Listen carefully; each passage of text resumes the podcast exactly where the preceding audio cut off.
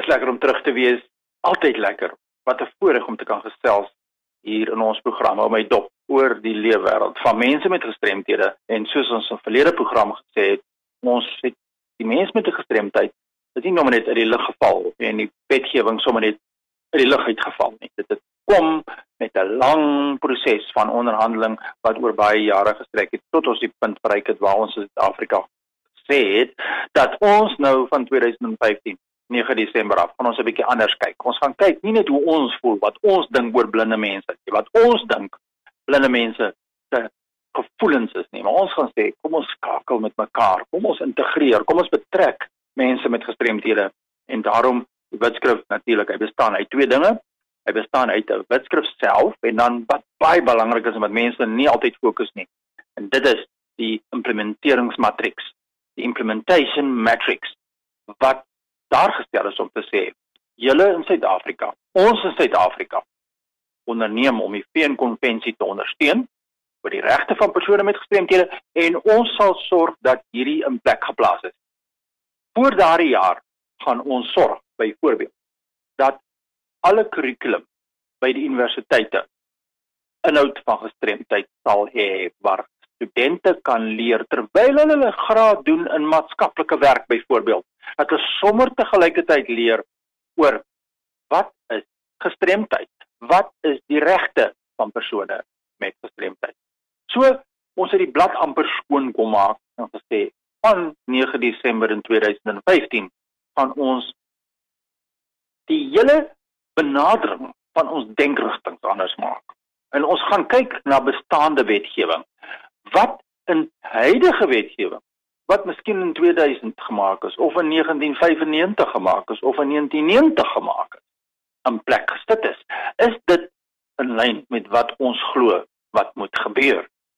As beleide van skole en beleide van werksplekke is daar tekortkominge sê die wetskrif moet ons dit aanpas dat ons kan werk na 'n plek toe van 2030 waar ons kan terugkyk en sê goed, ons het 'n beter werk gedoen die afgelope 10 of 12 jaar as wat ons voorheen die inskakeling met gestremdheid in die algemeen onreg kry.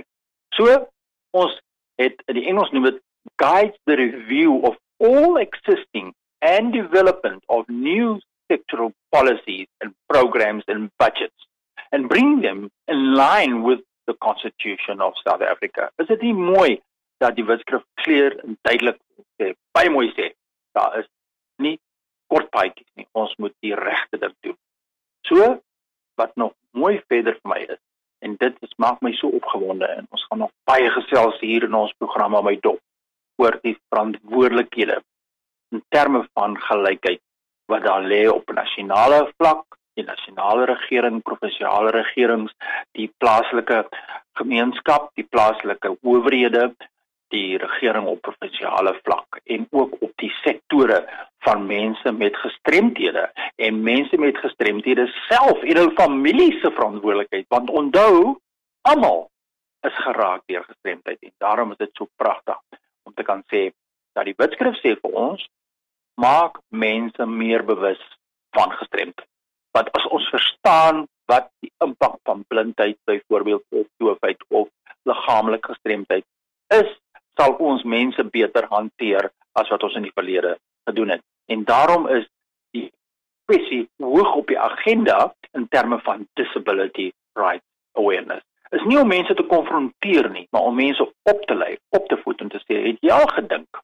Ons sê in COVID-19 sê ons as iemand nies of hoes, dan moet hy in sy elmboog nies of hoes.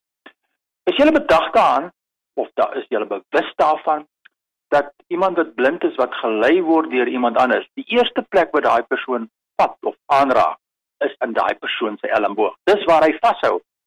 So versigtig nou. As jy in kontak is met mense wat doof wat blind is, moet jy verseker nie in jou elmboog hoes wat jy wie die persoon uithou om aan te vat. sien, dis dingetjies wat ons nie dink en dit leer ons om anders te dink. So as jy nou 'n uh, insig het om anders te dink, stuur sommer nou 'n e-pos aan my by fani.dt by en sê op en sê daar ek hoor graag en ek vat graag hande saam met jou om ons die gemeenskap kan leer en help om bietjie anders te dink. Nie soos wat ons dink nie, maar soos wat die werklikheid is. Stuur die e-pos aan my fani.dt by mweb.co.za. Ek wag vir jou terugvoer. Groetnisse.